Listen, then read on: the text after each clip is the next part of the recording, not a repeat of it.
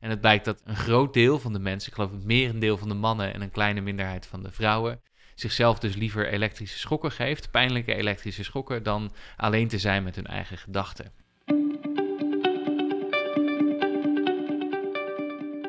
Deze podcast is voor iedereen die wel eens het gevoel heeft: ik heb het druk, ik moet zoveel. Of het nou op werkgebied of op sociaal vlak is, jij hebt het druk en je zou het heel graag anders willen, maar je weet niet goed hoe. En al verlang je nu vanwege de crisis misschien naar drukte, naar mensen, denk dan even goed na hoe het was voor de crisis en waar je graag zou willen staan na deze coronatijd. Mijn naam is Ankie van Steen en ik help organisaties en iedereen die het nodig heeft om het nooit meer te druk te hebben en meer te bereiken. Wat is de impact van stilstaan en wat betekent dit voor jou of voor jouw organisatie? Wat zijn de effecten van het hebben van tijd en rust? Via mijn podcast deel ik heel graag toffe en inspirerende verhalen over wat het hebben van simpelweg tijd kan betekenen voor jouzelf, jouw persoonlijke ontwikkeling, je werk, relaties, opvoeding en nog heel veel meer. Van experts krijg je hele praktische tips en inzichten voor een nooit meer te druk leven. Zie deze podcast maar als één grote menukaart en kies het gerecht uit wat bij jou past.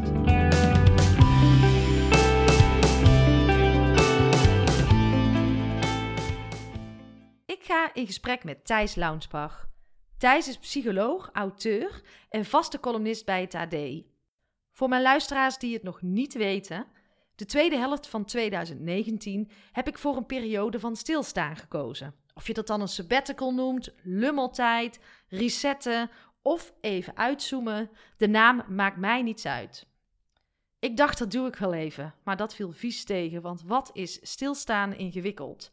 Samen met Thijs bespreken we alle thema's waar ik tegenaan gelopen ben. En ik ben heel nieuwsgierig naar zijn psychologische kijk hierop. We hebben het over afkicken van onze dopamine-rush. Over hoe we lekker varen op controle en structuur. Over stigma's, identiteit, vaste patronen en alles nog wat in deze mooie podcast voorbij gaat komen. Na deze podcast snap jij veel beter hoe het in jouw hoofd werkt. Zeker nu we allemaal ineens stil worden gezet. Hoi Thijs. Hi. Welkom. Fijn dat ik hier in, in Haarlem mocht zijn. Ja, welkom. Dankjewel voor deze uitnodiging en fijn dat ik uh, mocht komen. Ik zit hier heerlijk uh, door een raam naar buiten te kijken. Weliswaar op afstand, anderhalve meter. Ja, ongeveer. En ik was eigenlijk als eerste benieuwd van... Jij hebt natuurlijk een prachtig boek geschreven, Fucking Druk... wat ik heel graag met uh, heel veel plezier heb gelezen. Hoe is het voor jou om nu eventjes in deze periode te zitten? In deze rare corona-crisisperiode. Yes. Ja. Nou ja, ik vind het, het, het is een vreemde gewaarwording. Het is echt een vreemde gewaarwording. Het was uh, in eerste instantie even een behoorlijke shock. Want um, nou, ik schrijf dus boeken, maar, maar ik, uh, mijn meeste inkomsten, uh, mijn meeste inkomen haal ik uit lezingen geven. Ja. En voor groepen staan en trainingen geven. Um, en presentaties doen en al dat soort dingen. Maar dat kan gewoon even niet meer. Um, dus in die eerste, laten we zeggen, week van de overheidsmaatregelen kwam ik tot de conclusie dat min of meer alles was afgezegd qua klussen in mijn agenda. Ja, wat gaat dat dan in jouw hoofd doen? Nou ja, ik, ik, uh, nou is het in ieder geval niet zo dat ik gelijk, uh, hè, dus ik, ik, heb, ik, ik, heb wel een soort buffertje. Ja, um, dat is heel dus fijn. ik hoefde niet uh, gelijk naar de voedselbank of zo, gelukkig. Um, maar het betekende wel dat alle plannen even om werden gegooid. Um, en dat ik ook niet zo goed wist wat ik dan wel moest doen. Uh -huh. Um, en het was, het was dus wel even schrikken. Maar ja, dat, ja het, het gekke is dat um, er dan toch weer allerlei dingen voor in de plaats komen. Nieuwe projecten en uh, dingen die nog op, op de plank lagen. Podcasts die, waar ik interviews voor had gedaan, maar nog niet had, had geëdit. Artikelen schrijven, via, via webinars of digitale middelen allerlei trainingen geven. Ja. Dus het is, het is eigenlijk binnen no time weer helemaal vol geraakt. Dus het is niet dat je even een beetje van de leg was of zo? Ik was wel eventjes in die eerste week, anderhalve week, was ik wel, eh, was ik wel een beetje van de leg. Voor de, eh, vanwege de consequenties die het voor mij eh, persoonlijk had. En ook omdat het totaal onduidelijk was en nog steeds is hoe lang dit ongeveer gaat duren. Ja, die Ehm, onzekerheid. Ja, en ook wel het idee van, nou ja, ik, ik hou me natuurlijk bezig met stress en burn-out. Eh, we hebben nu wel stress, maar dat is eigenlijk een hele andere oorzaak. Hè? En we hebben hele andere uitdagingen nu, zoals eh, hoe houden we het met elkaar uit ehm, in, in, in een kleine ruimte eh, als we opgehokt zitten. En ehm, hoe gaan we om met die onzekerheid en hoe werkt thuiswerken Ja. eigenlijk wel of niet. ja, Ehm, dus dat soort vragen komen er nu vooral naar boven. naar boven. Ja. Ja, wat is wel grappig, want misschien leuk, kleine anekdote hoe jij op mijn pad bent gekomen. Ja, Ik bleef jou natuurlijk een beetje stalken, want ik wil heel graag met jou een podcast. ja, Maar ehm, ik heb mijn eigen sabbatical genomen van juli tot en met december. ja. En in de eerste twee maanden ging ik letterlijk helemaal kapot. Oké. En iedereen die zei, Anke, veel plezier, geniet van je sabbatical. En ik voelde, ik, ik, werd ik was- voelde, ik heb echt zitten googlen op eerste hulp bij sabbaticals. Ehm, kan je depressief raken van een sabbatical? Echt al dat soort zaken. En toen was het kerstmis. En toen las ik een column van jou in het AD. En daar stond eindelijk kerstvakantie. De eerste paar dagen klim ik tegen de muren op. Ik wil iets doen. Ja. En toen dacht ik, ik ben niet gek. Nee, zeker niet. Zeker niet. Er zijn er eigenlijk twee dingen aan, aan de hand. Hè. Kijk, die column ging over. Als je heel erg ge- gewend bent om, laten we zeggen, in de vijfde versnelling te staan Mhm. met je werk. Wat natuurlijk heel veel mensen doen en eh, als gewoonte hebben. En je hebt dan opeens heel veel ongestructureerde tijd. Of je hebt even niks om handen. Dat voelt niet prettig, Nee. zeg maar. Ehm, dus daar moet je echt even van afkicken. En een deel daarvan komt ook door hoe je hersenen werken. We zijn gewend om van taak naar taak te springen. Eh, en elke keer dat we iets afronden, krijgen we een klein shotje dopamine in Ja. onze hersenen. En dat vinden we fijn. Dat is een soort beloning krijg je dan. Een fijn gevoel krijg je ervan. Ja, Ehm, en als je e- even heel veel ongestructureerde tijd hebt, dan, dan valt dat even helemaal weg. ja. Ehm, dus dan, eh, daar ben je dan ook een beetje verslaafd aan, aan geworden of aan geraakt. Ehm, en dat is, je moet hem echt een beetje afkicken. Ja, zo heb ik het ook serieus eh, ervaren. En het mooie is als ik ergens instap, zoals ik met alles doe, op werkgebied, maar ook in privé, dan denk ik, oh, dat ga ik even doen. Ja, En dan ga ik volledig kopje onder. En dat ging ik dus in die sabbatical. eh, het, het deed hartstikke pijn. En wat je zegt, ik, daarna omschreef ik het als dat ik het gevoel had dat ik moest afkicken. ja, En dat ik dus, eh, want misschien is het ook wel leuk om een aantal thema's waar ik tegenaan ben gelopen, gewoon eens bij de kop te pakken samen. Denk ook dat ze relevant kunnen zijn voor mensen die nu eh, thuis zitten. Natuurlijk ook niet voor iedereen, want ook heel veel mensen zijn nu nog aan het overleven en hebben vooral heel veel pijn, ervaren heel veel pijn. ja. Maar laten we eens kijken of we mogelijk wat inzichten kunnen geven samen aan die mensen die, die hier iets mogelijk iets aan kunnen hebben. Ja. Want dat afkicken ervaar ik enorm. Ja, En ik merkte ook dat ik. Eh, ik was vier weken onderweg en daarna, na vier weken had ik al een groots plan liggen. Weer groter, ja, nog beter en moest nog. eh, ik was echt verslaafd aan een stukje eh, roem, succes. Ik Mhm. was gewoon hebberig. Is daar ook iets vanuit jouw optiek van te vinden? Nou ja, in de zin van, ik denk dat wat er, wat er gebeurd is de afgelopen 20, 30 jaar, is dat we steeds meer van onze identiteit zijn gaan ontlenen aan ons werk. Ja. Dus het is steeds belangrijker geworden voor wie we zijn, wat we doen. We hebben het idee dat we ons leven zelf maken, dat de wereld maakbaar is, dat ons leven maakbaar is en ons geluk maakbaar is, maar ook dat wat we willen bereiken in de wereld, dat we dat doen door middel van ons werk Ja, meer nog misschien dan, dan door middel van ons gezin of van, van de familie of eh, van de groepen waar je bij hoort. Het is vaak een in- individualistisch streven en heeft te maken met het werk dat je doet in de wereld. Dat geeft ons betekenis. Hè? Ja. Dus we spreken nu heel veel over purpose. Dat is een van de nieuwe kernwoorden van het werken anno nu. Ik krijg er een beetje de kriebels van, zoals ja ik ook. hoort. Nee, kijk, als jij dat terug denkt, purpose. Ja. Purpose. ja. Eh, maar toch, er zit natuurlijk wel wat in. Dus je wil het idee hebben dat je een, iets nuttigs doet. Mhm. eh, en daar haal je ook erkenning vandaan voor, an- van andere mensen voor wat je doet. Ehm, dus het is, ik kan me dat heel goed voorstellen dat als dat dan even wegvalt, hè, die manier van je stempel op de wereld drukken, namelijk je werk, dat daar iets voor in de plaats moet komen. En Ja. dat, dat daar anders ook wel heel veel gevoelens bij komen van, van je nutteloos voelen of niet goed weten wat je moet. Of het idee dat je niks aan het doen bent of dat je stilstaat. Dat hoort er ook allemaal bij. Nou, dat beschrijf je exact. Dat is wat ik voelde. Als ik het omschrijf, eh, nutteloos, eh, heel kwetsbaar had Ja. Ik. Voelde me niets meer stuurloos. Ik had totaal geen richting in die, die fase, die eerste, vooral die eerste twee maanden. En ik had ook een stukje schaamte, Ja. merkte ik. Ik was natuurlijk heel makkelijk als ik op het schoolplein liep en als ze vroegen: Hey Anke, hoe is het? Dan liep ik maar al te graag snel eh, en, en druk, weet je, dat antwoord geven. En dat label was weg toen ik stopte met werken. Toen Ja. dacht ik ook nog: waarom heb ik er überhaupt voor gekozen? Maar als ik er niet voor had, eh, als ik niet had doorgezet, dan was ik misschien weer terug bij af. En ik denk dat je heel erg geneigd bent om weer terug te vallen in je oude patroon. Ja. Ja, ik, ik denk ook, die, kijk, die patronen die zijn ook gewoon heel belangrijk voor ons als, men, als mens. Hè? Dus dat is, dat is eigenlijk het andere waar we nu heel erg mee te maken hebben. Is dat die, wij mensen varen best wel goed op twee dingen. Namelijk het gevoel dat we controle hebben op ons leven. En het feit dat we een wat structuur hebben in ons En leven. waarom vinden we dat zo fijn? Omdat dat, ehm, nou, dat, dat geeft een gevoel van zekerheid. Je Mhm. weet waar je aan toe bent. Ehm, en eh, eh, nou ja, we- we, vinden het ook wel gewoon wel lastig als mensen om om te gaan met het gevoel dat iemand anders de beslissingen neemt over, over wat we wel en niet kunnen doen. Hè, dat, dat is dat gevoel van controle. Ehm, en dat, dat, die, die controle wordt ons nu een beetje weggenomen, omdat eh, eigenlijk voor ons wordt besloten waar we heen mogen, met wie we mogen praten en wat voor context we mogen. Hè, we, we- zijn nog niet verplicht om thuis te blijven, maar al wel bijna, zeg Ja. maar. Ehm, dus we hebben wat minder controle over ons, ons leven en we weten ook niet zo goed eh, eh, nou ja, hoe dit verder gaat en wat voor consequenties dit gaat hebben en hoe bang we eigenlijk precies moeten zijn voor dat virus. Nee, het is allemaal heel onduidelijk op dit Ja. moment. Dus dat is één. Dus die, het, het verlies van controle en die, en die duidelijkheid.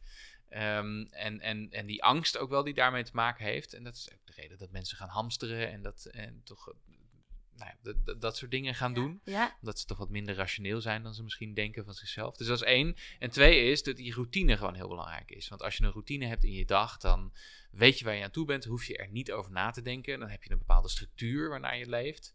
En als dat allemaal wegvalt, dat voelt ook heel onprettig. ja. Ehm, dus, dus het is niet voor, niet voor niets dat die, die 9 tot 5 mentaliteit, waar, waar mensen nu een beetje met afschuw over praten, die is eigenlijk best wel goed. Want dan weet je gewoon wanneer je aan het werk bent, wanneer je stopt.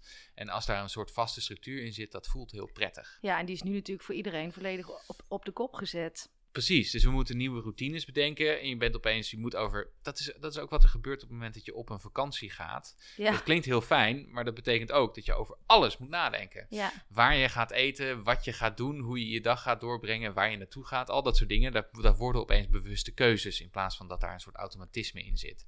Eh, en ik kan me ook heel goed voorstellen dat dat speelt bij zo'n sabbatical. Dat je denkt, eh, ik weet even helemaal niet waar ik Nee. moet zoeken. Nee, echt compleet van de leg. En ik had ook geen, eh, ik ging dan echt, wat ik je zei, ik ging googelen gewoon eerste hulp bij sabbaticals. En weet je, zo'n boek, als je, toen ik dat las, las het wel aan het einde van mijn sabbatical, gaf mij gewoon heel veel herkenning. Dat ik dacht, nee, het is, het is oké wat ik heb gevoeld. Ja. En op een gegeven moment heb ik zelfs DJ Hartwell een mailtje gestuurd, want hij had een sabbatical. Ja, Ja, mag ik bij jou op de koffie komen om eens te praten? Eh, ik heb gewoon hulp nodig, want ik merk ook, ik ben best wel, ehm, als je dan even in zo'n proces zit, het, wa- het was helemaal niet dat je een burn-out had, maar je was eigenlijk gewoon in de war mhm. van niets doen. Ja. En dat zegt ook wel iets, dat je daar zo van, ehm, ja, moet ik het zeggen, dat, dat, je, dat, dat het eigenlijk heel normaal zou moeten zijn als Ja. je niks doet. Maar ik snapte het niets doen niet. Nee, en ik weet ook eerlijk gezegd niet. eh, kijk, dat is nu wel een beetje de trend dat mensen zeggen: oh, je moet veel vaker niets doen. Er zit natuurlijk in zekere zin ook wel wat in. Ja. Ehm, maar ik weet ook niet hoe goed dat eigenlijk in principe is voor een mens, eerlijk gezegd. Ehm, dus ik weet niet of ik daar iets heel controversieels zeg. Maar ik denk dat we ook wel in zekere zin gemaakt zijn om, om dingen te gaan doen. En Ja. om te weten waar we mee bezig zijn. En een, en een handelingsperspectief te hebben. Hè? Het gevoel dat we iets ook kunnen doen. Dat invloed heeft op de wereld. En in- invloed heeft op onze eigen wereld. Dus helemaal niks om handen hebben. Dat, dat is, heeft ook wel gevaarlijke kantjes, denk ik. Ja, ja, ik denk zeker als je er cold turkey in gaat, Ja. zoals ik heb gedaan. Eh, aan de andere kant geeft het ook enorm veel inzichten, want ik zeg ook wel eens tegen mijn kinderen als ze zeggen ik verveel me, dan vind ik dat wel een heel eh, groot cadeau wat ik ze kan geven op de een of andere manier. Want Ja. als je dus altijd maar aanstaat, dan gaat het ook. Dan heb je geen tijd om even alleen te zijn met je gedachten. Nee. En dan komen er ook heel weinig creatieve dingen naar boven. Bij mij. Ik merkte gewoon dat, dat ik gewoon alleen maar in mijn kop zat. Ja. Ja, nee, dat, dat, eh, dat kan ik me heel goed voorstellen. En daar heb je ook gelijk in. Er is, je hebt een bepaalde mate van die tijd ook nodig. Maar als het overslaat naar te veel van dat soort ehm, ongestructureerde tijd... of tijd waarvan je niet zo goed weet wat je ermee moet doen... dan kan dat ook wel, eh, nou, ik zou niet zeggen gevaarlijk zijn... maar dat kan behoorlijke consequenties hebben. Ja, Er is een- ook een fantastisch onderzoek ooit gedaan waarbij mensen eh, in een kamer werden gezet en al hun afleiders moesten inleveren, hun telefoon en hun tijdschriften en eh, boeken en dat soort dingen. Ehm, het enige, hè, dan moesten ze dan een half uur of langer moesten ze in die kamer zitten. Ehm, het enige dat er wel was, was een apparaat waarmee ze zichzelf elektrische schokken konden geven. En het blijkt dat, dat eh, een groot deel van de mensen, ik geloof het merendeel van de mannen en een kleine minderheid van de vrouwen, zichzelf dus liever elektrische schokken geeft, pijnlijke elektrische schokken, dan alleen te zijn met hun eigen gedachten. ja, dat is eigenlijk bizar. nou ja, het, het, het- het is ook wel, het is mijn eigen ervaring ook wel geweest toen ik begon met mediteren en dat soort dingen. Dat de eerste periode dat je dat doet, is helemaal niet zo leuk. Nee, nee. Want je wordt heel erg geconfronteerd met wat er, wat er allemaal in je hoofd speelt. En dat, dat is ook niet allemaal even leuk. En er zitten ook gevoelens bij van het niet zo goed weten. En de gevoelens die je, die je wegstopt eh, door eh, de tijd allemaal op te vullen met nuttige dingen. Ja. Ehm, dus eh, dat is een behoorlijke stap die je moet nemen, denk ik. Ja. Ja, druk zijn is denk ik wel echt ehm, makkelijker dan stilstaan. ja, Daar ben ik wel achter. Dat het, dat je, want als je stilstaat, moet je gewoon echt wel dingen aankijken. klopt. En het is echt niet zo dat dat altijd per se hele zware, traumatische dingen zijn. Maar je, bent, eh, waar ik- je kunt ook gewoon heel vaak dingen maar wegstoppen van... Ja, ik zeg het altijd zo dat je die zolder al heel lang op wil ruimen. Nou, hoe lang kan je zoiets uitstellen? Ik bedoel, jij bent nu ook net verhuisd. Misschien dat er over drie jaar ook nog dozen staan. Dat weet Ja. je niet. Maar dat is dus met... ehm, eh, dat je dingen gewoon toch wel makkelijk een beetje naar achteren parkeert. Om als je druk bent. Ja. En als je dan dus stil gaat staan, dan kom je dus... Dan komen die, of je nou wil of niet, ze komen er al aan. Werkt Ja. dat zo ook in je hoofd? Ja, ik kan me heel goed voorstellen dat dat zo werkt. Ja, ja, Ja. zeker. Eh, Nou ja, sommige van die dingen zijn heel nuttig en heel creatief en echt tof om weer op te pakken. En een aantal andere van die dingen zijn, zijn ook echt wel de lastigere dingen van het leven. Het hoeven inderdaad niet trauma's te zijn. Nee. Eh, maar eh, je, moet toch, je hebt toch te dealen met, met de dingen die je hebt meegemaakt. En ook wel met de, de grote existentiële leegte. Hè? Van wat wil ik eigenlijk hier op aarde doen? En is dit nog wel het goede pad waar ik op sta? Je purpose. Eh, je purpose in een. ja, dat ik. nogmaals, kriebels ervan. ja, Maar, nee, dat ehm, maar even, waar wil ik mijn leven mee vullen? En eh, wat, wat, wat moet ik hier in die tijd dat ik hier heb? Nou, dat zijn allemaal hele grote vragen. Die ook echt moeite kosten om je, om je mee bezig te houden. Dus die, kunnen, die stoppen we in het dagelijks leven maar liever weg. Ehm, en dat kun je dus ook doen door, door de hele tijd druk te zijn. Ja. Nou, ik omschrijf het ook wel eens dat ik nu... ehm, kijk, als ik toen in september... Toen had ik echt zoiets... Oh, laat mij alsjeblieft weer werken. En ik had ook heel erg last van... Ik had gekozen om eh, geen opdracht, vervolgopdracht... Een interimopdracht weer te hebben in januari. En toen riep ik... Ik riep bijna elke avond als ik in bed lag tegen mijn man... Had ik maar iets. Had ik maar, hou vast. Ja. Dat gaf mij dan... Zou dat mij dan... eh, meer rust geven. Maar uiteindelijk is het eigenlijk het beste om dat niet te hebben. Want als je dat weer hebt, dan, dan, dan ga je toch weer misschien in het makkelijker in je oude patroon door. Hetzelfde eigenlijk als nu in de coronatijd. Mensen hebben gewoon geen eh, houvast. En dat is, lijkt mij in ieder geval heel erg onrustig. Ja, zeker. Dat, dat, dat toont dus aan het gevoel van controle dat we graag hebben over Ja. ons leven.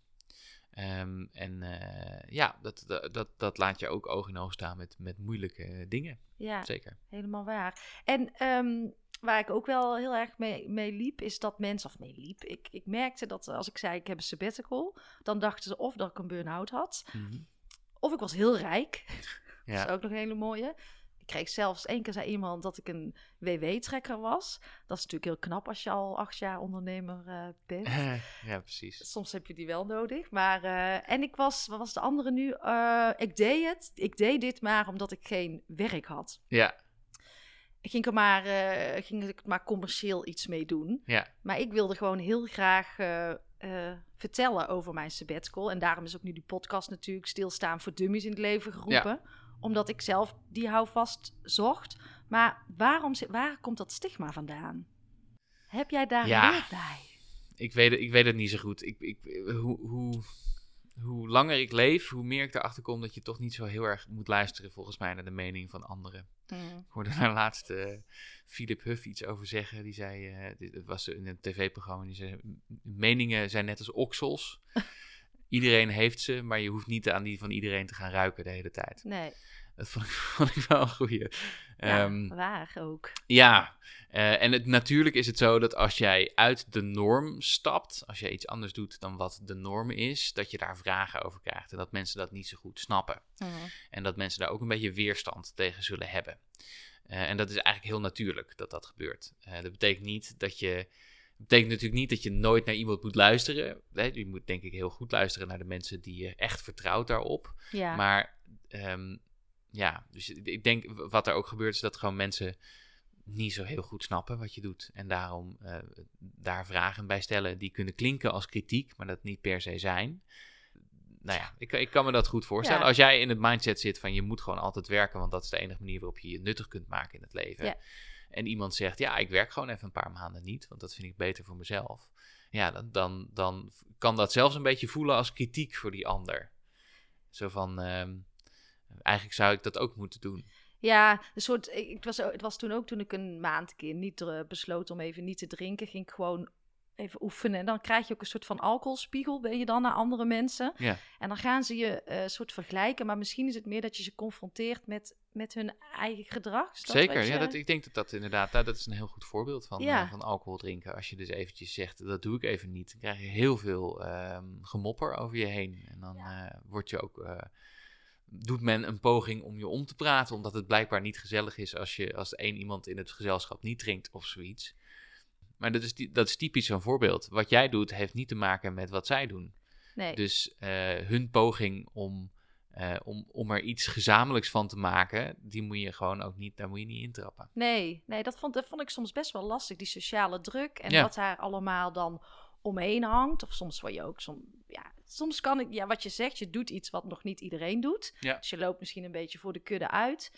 Eh, voelde ook soms wel eens eenzaam. Dat ik, dat ik dacht, heb ik, het, heb ik er wel goed aan gedaan? Ben ik nou zo gek? Echt rare dingen die daar dan gebeuren. Maar ik lees ook in jouw boek dat dat natuurlijk ook over, eh, over stress zit natuurlijk ook nog enorm stigma op. In bedrijven. Ja, nee, dat is, dat is, dat is zeker waar. als je als persoon. eh, het, is, het is lastig om aan te geven dat je je gestrest voelt. Ja, dat, dat wordt steeds meer geaccepteerd, gelukkig. Maar er zit inderdaad iets in. Er zit, eh, er zit, er zit een, een bepaald stigma in van dat je dan zwak bent, Ja. bijvoorbeeld. Eh, terwijl dat is, ik zou zeggen, dat is een grote misvatting. Zeker niet. Het zijn zeker niet de mensen die het zwakste zijn die een burn-out krijgen. Het zijn juist de mensen die puur op karakter veel te ver eh, langs hun eigen grenzen heen zijn eh, gebuffeld. Ja, Dat zijn de mensen die in een burn-out terechtkomen. Dus ik, zou- ik zou zeggen, het is, het is eigenlijk heel erg goed dat dat stigma nu een beetje wordt opgeheven. Waarom? Omdat wat je eigenlijk wil is dat mensen al veel eerder dan dat ze in een burn-out terechtkomen ingrijpen. ja, Ehm, want zit- voordat mensen in een burn-out terechtkomen zit vaak een, periode van maanden waarin mensen al stressklachten hebben en nog zouden kunnen ingrijpen voordat je echt in een burn-out komt en een tijd ook thuis moet zitten. Ehm, en wat je natuurlijk idealiter wil, is dat je ergens op dat traject ingrijpt, zodat je daar niet terechtkomt. Ehm, maar dat veronderstelt wel dat dat een onderwerp is waar je over mag praten en dat je je een beetje kwetsbaar mag tonen. En dat je daarmee niet zegt, kijk, ik ben zwak. Of nee, zo. precies. Nee, ik had het zelf ook altijd. eh, ik had het in mijn eigen podcast ook gezegd over moeders die ehm, er echt voor kozen om thuis te zijn. Ik vond Ja. dat altijd best wel een. eh, ja, achteraf vind ik het een groot lulverhaal van mezelf. Ja. Maar. Nou, dat ik dacht van, eh, waarom, ja, je kunt ook gewoon, waarom kies je er niet voor om af en toe wat meer thuis te zijn? Ik vond dat ik altijd moest werken. Ik als mijn kinderen ziek waren, dan vond ik het ook niet eens nodig om thuis te zijn. Dus ik was echt wel zo iemand die heel erg in die hardwerkende Ankie zat. Ja. En het is wel mooi om die inzichten nu te hebben dat het ook anders kan. Zie jij een verschil tussen de generaties? Ik kom uit 80. Mhm. Jij schrijft veel over millennials. Ik, Ja. zie- ik, ja, ik weet 1980, eh, een beetje kantelpuntje, denk Mhm. ik. Zie jij een verschil in generaties? In hoe geaccepteerd het is om een sabbatical te nemen. Ja, of eh, we- wij waren gewoon, jij ging 40 uur werken, was eigenlijk vrij normaal. Ja. 32 uur, wer- 32 urige werkweek was al Ehm, maar zie je, dat, zie je daar nu verschuivingen in? Ik denk wel dat het iets is dat in de afgelopen jaren uh, steeds meer geaccepteerd wordt. Ja, het is natuurlijk ook. in sommige ehm, sectoren is dit eigenlijk al langer aan de gang dat je dit dat dit erbij hoort. Hè. Dus kan voor, als je academicus bent en je werkt in de, bij de universiteit, dan doe je dit ook, vaak ook regelmatig. Dan neem je een, een, een sabbatical om een boek te kunnen schrijven, Ja. bijvoorbeeld. Hè. Ehm, dus dat, dat was al langer aan de gang. Maar ik denk dat het steeds geaccepteerder wordt. Ik weet niet per se of dat nou een generatieding is of gewoon een, een tijdsding. Misschien komt het ook omdat we wat welvarender zijn geworden. Hè? Dat, dat we het ook ons kunnen veroorloven Ja. om dat te doen. Want lang niet iedereen krijgt een sabbatical vergoed. Hè? Nee, is, nee, en eh, dat besefte ik me ook. En daarom is ook de reden van die podcast. Omdat ik zo... Ik dacht, nou, laten we dan vooral anderen inspireren. Ja. Dat ze er wat elementen of themaatjes uithalen die voor hun relevant kunnen Ja. zijn.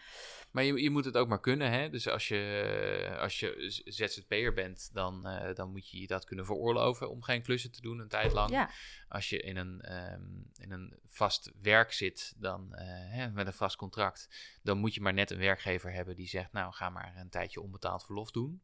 Of sterker nog, er zijn mensen die, die, eh, die het gewoon doorbetaald krijgen natuurlijk, maar dat is, eh, dat is zeker niet voor iedereen weggelegd. Dus het is iets wat je ook moet kunnen en kunnen veroorloven. zeker. Ik kan me ook voorstellen dat je dat misschien niet doet als je eh, van, van zeg maar loonstrookje tot loonstrookje leeft en ook nog verantwoordelijk bent voor een, voor een gezin. Ehm, want eh, dus dat, dat, dat moet ook maar net kunnen financieel gezien. Dus wat dat betreft is, is het wat meer een luxe positie. Maar goed, het is waar wat je zegt. Je gaat dan weg en dan als het goed is krijg je ook allerlei nieuwe ideeën over wat je wil met je leven. en Wat je wil met je carrière. En krijg je ook de kans om even uit je dagelijkse routine te zijn en andere gedachten te krijgen. Dus het is, het is heel veel mensen zien dat als, ook als een, als een ehm, investering die de moeite waard is. Ehm, en dat kan ik me ook heel goed voorstellen. Maar goed, misschien heeft het ook wel te maken met, met veranderingen in hoe wij werken. Ehm, het wordt nu, eh, we zitten nu in een tijd dat we, dat we gedwongen thuis moeten werken. Dat is ook zo'n verandering. Zeker. En dat zal ook nog misschien nog wel een verandering zijn die nog wat langer blijft dan alleen deze coronacrisis. Er zijn er gaan steeds meer stemmen op die, die eigenlijk pleiten voor een kortere werkweek.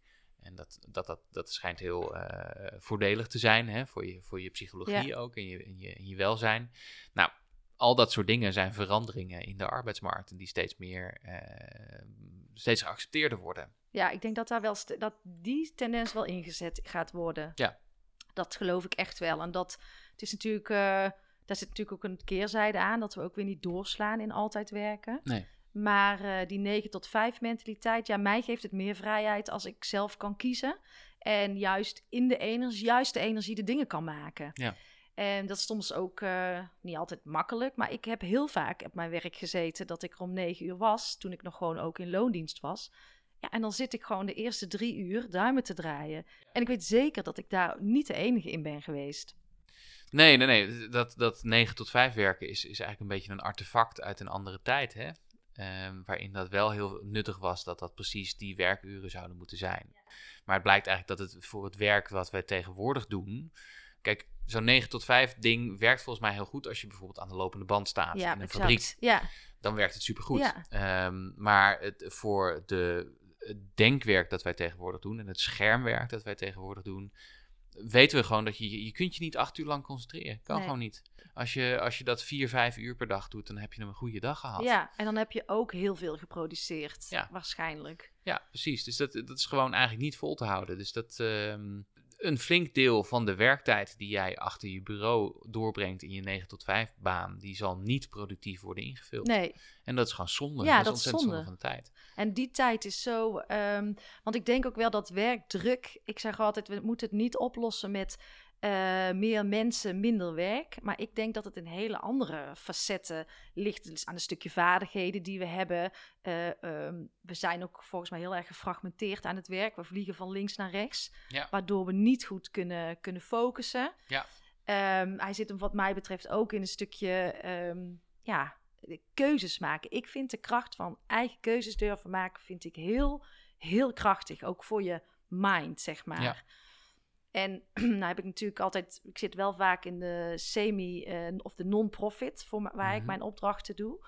En ik vind het soms jammer dat we niet zo eh, zelf meer de regie nemen over onze eigen ontwikkeling. Hoe kijk jij daarnaar?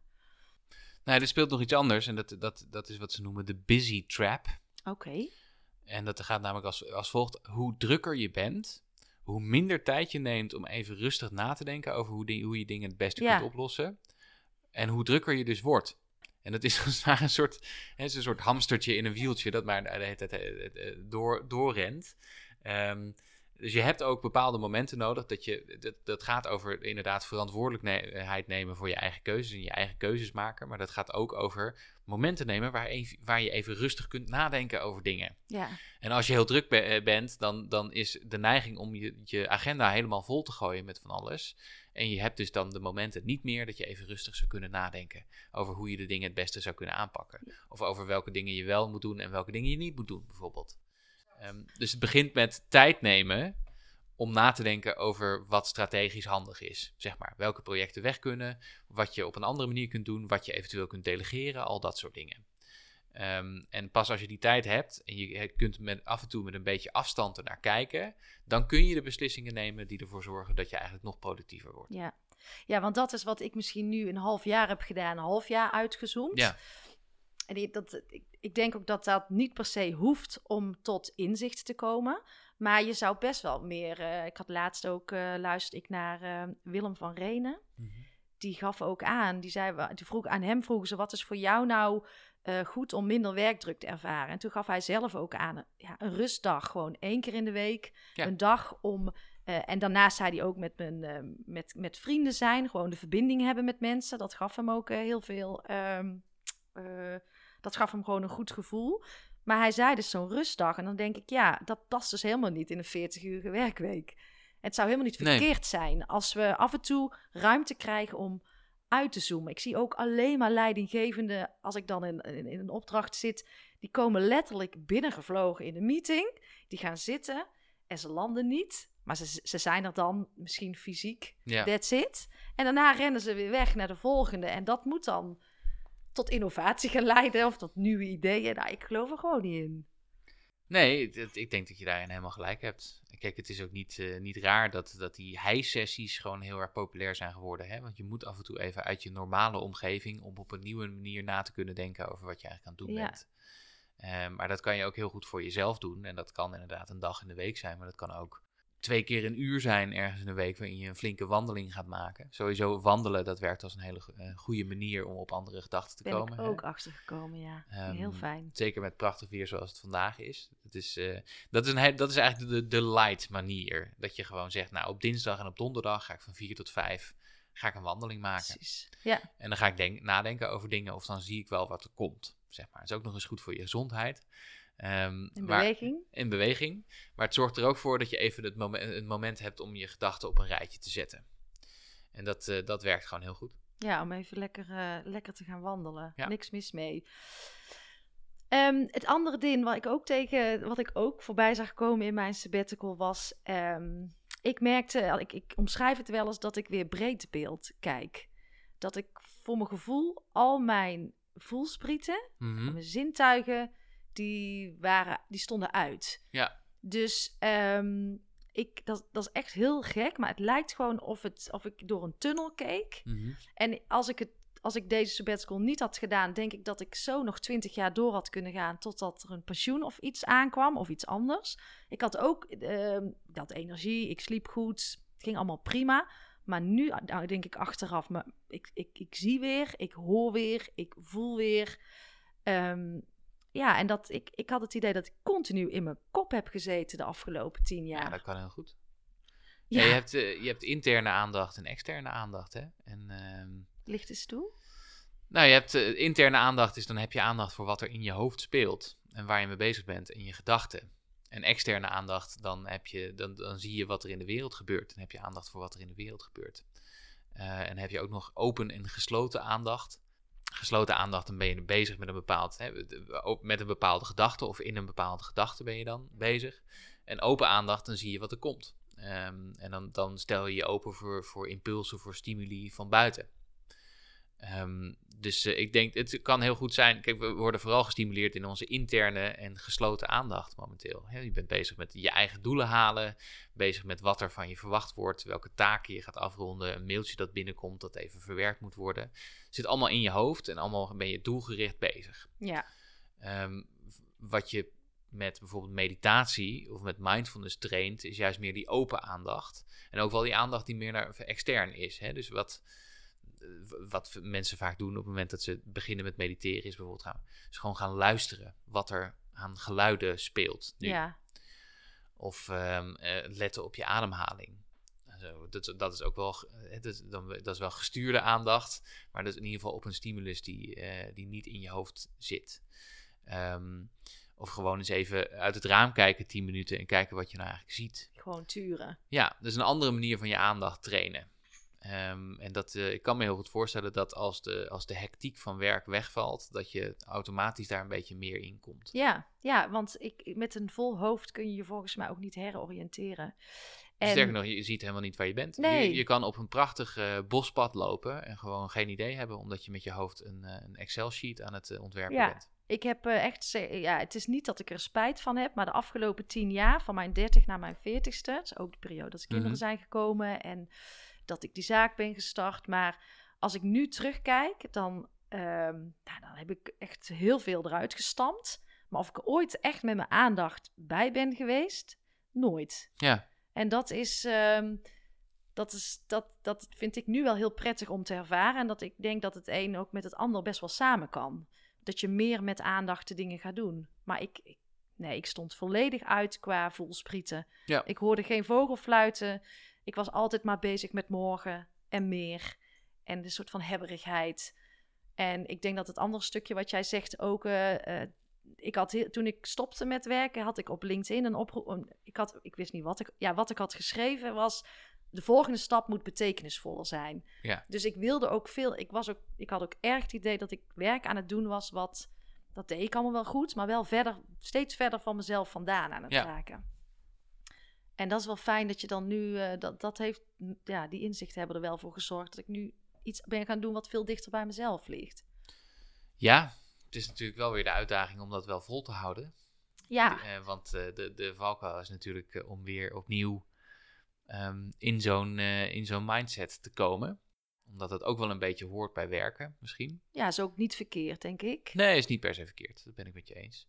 Ehm, maar wel om, om dus wel genoeg tijd te hebben om ook weer dan te blijven evalueren of je nog wel het goede aan het doen bent. Ja, ja, dat denk ik dat heel veel mensen meer mogen doen. Om af en toe eens te kijken, ben ik nog de juiste dingen aan het doen? Ja.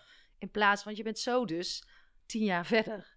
En dat, dat gaat natuurlijk ook hartstikke hard. Ja. Wat denk jij, is de stress nu hoger of lager op dit moment bij Hmm. mensen?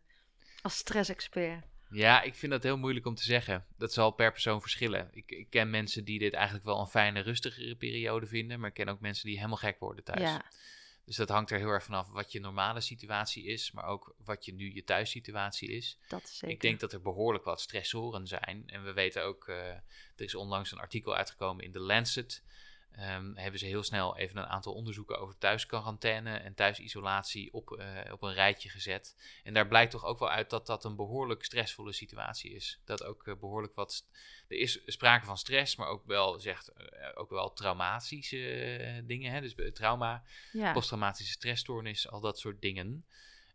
En dat, dat, nou, dat ging natuurlijk wel over studies die dan echt wel volledige thuisisolatie hadden, een thuisquarantaine. Dat hebben wij gelukkig nog niet.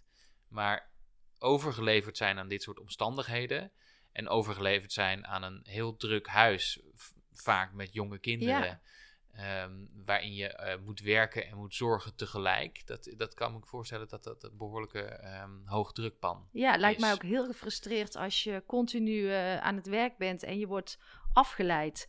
Dat, dan word je gefrustreerd. Ja, ja ik, ik denk dat ik misschien, misschien denk ik daar veel te simplistisch over hoor. Maar ik heb Vertel. echt de indruk dat je als, je als je bezig bent met zorgen voor je kinderen, ben je niet aan het werk. Nee, Dat ik is gewoon niet vol te houden. dat, dat gaat ook niet. En dan kan je misschien wel af en toe even een mailtje doen of af en toe een belletje doen. Maar je komt nooit toe aan, aan je echte deep work, zeg Nee. maar, hè, waar je de meeste resultaten haalt. Dus dat idee dat er nu heerst dat je gewoon dat heel goed samen kunt doen, hè, werken en voor No je kinderen. Nee, dat werkt, Nee. dat werkt volgens mij gewoon En niet. ik, ik besef me dat wij in een luxe positie zitten. We hebben een, een, eh, een kantoortje aan huis, een speelkamer, gewoon waar de kinderen kunnen zitten als ze met school bezig zijn.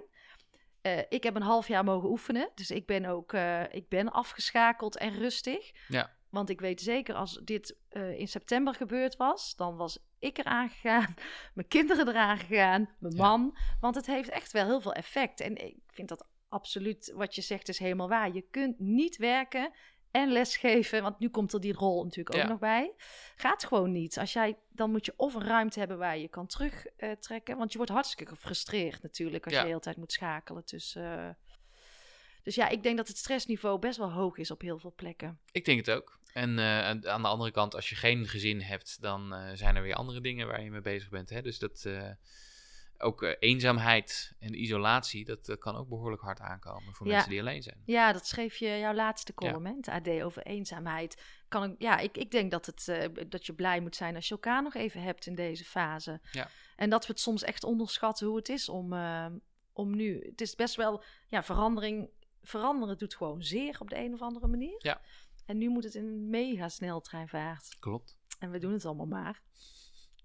Oké, Thijs. Ik, Goed. eh, we zijn eh, aardig onderweg. Heb jij nog eh, drie tips voor de luisteraars die jij in quarantaine kan meegeven? Ja, even kijken hoor. Daar mag je natuurlijk even rustig over nadenken. Gelukkig.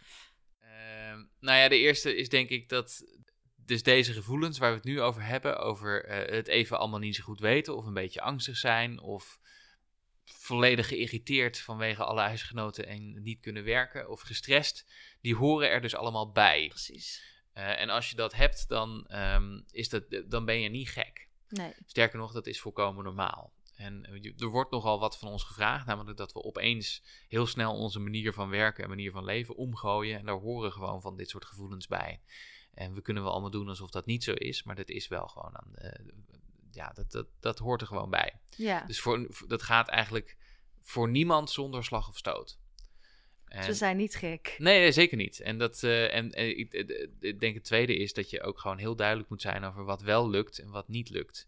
En dat je niet van jezelf kunt verwachten dat je dezelfde resultaten haalt als dat je op kantoor zou zijn.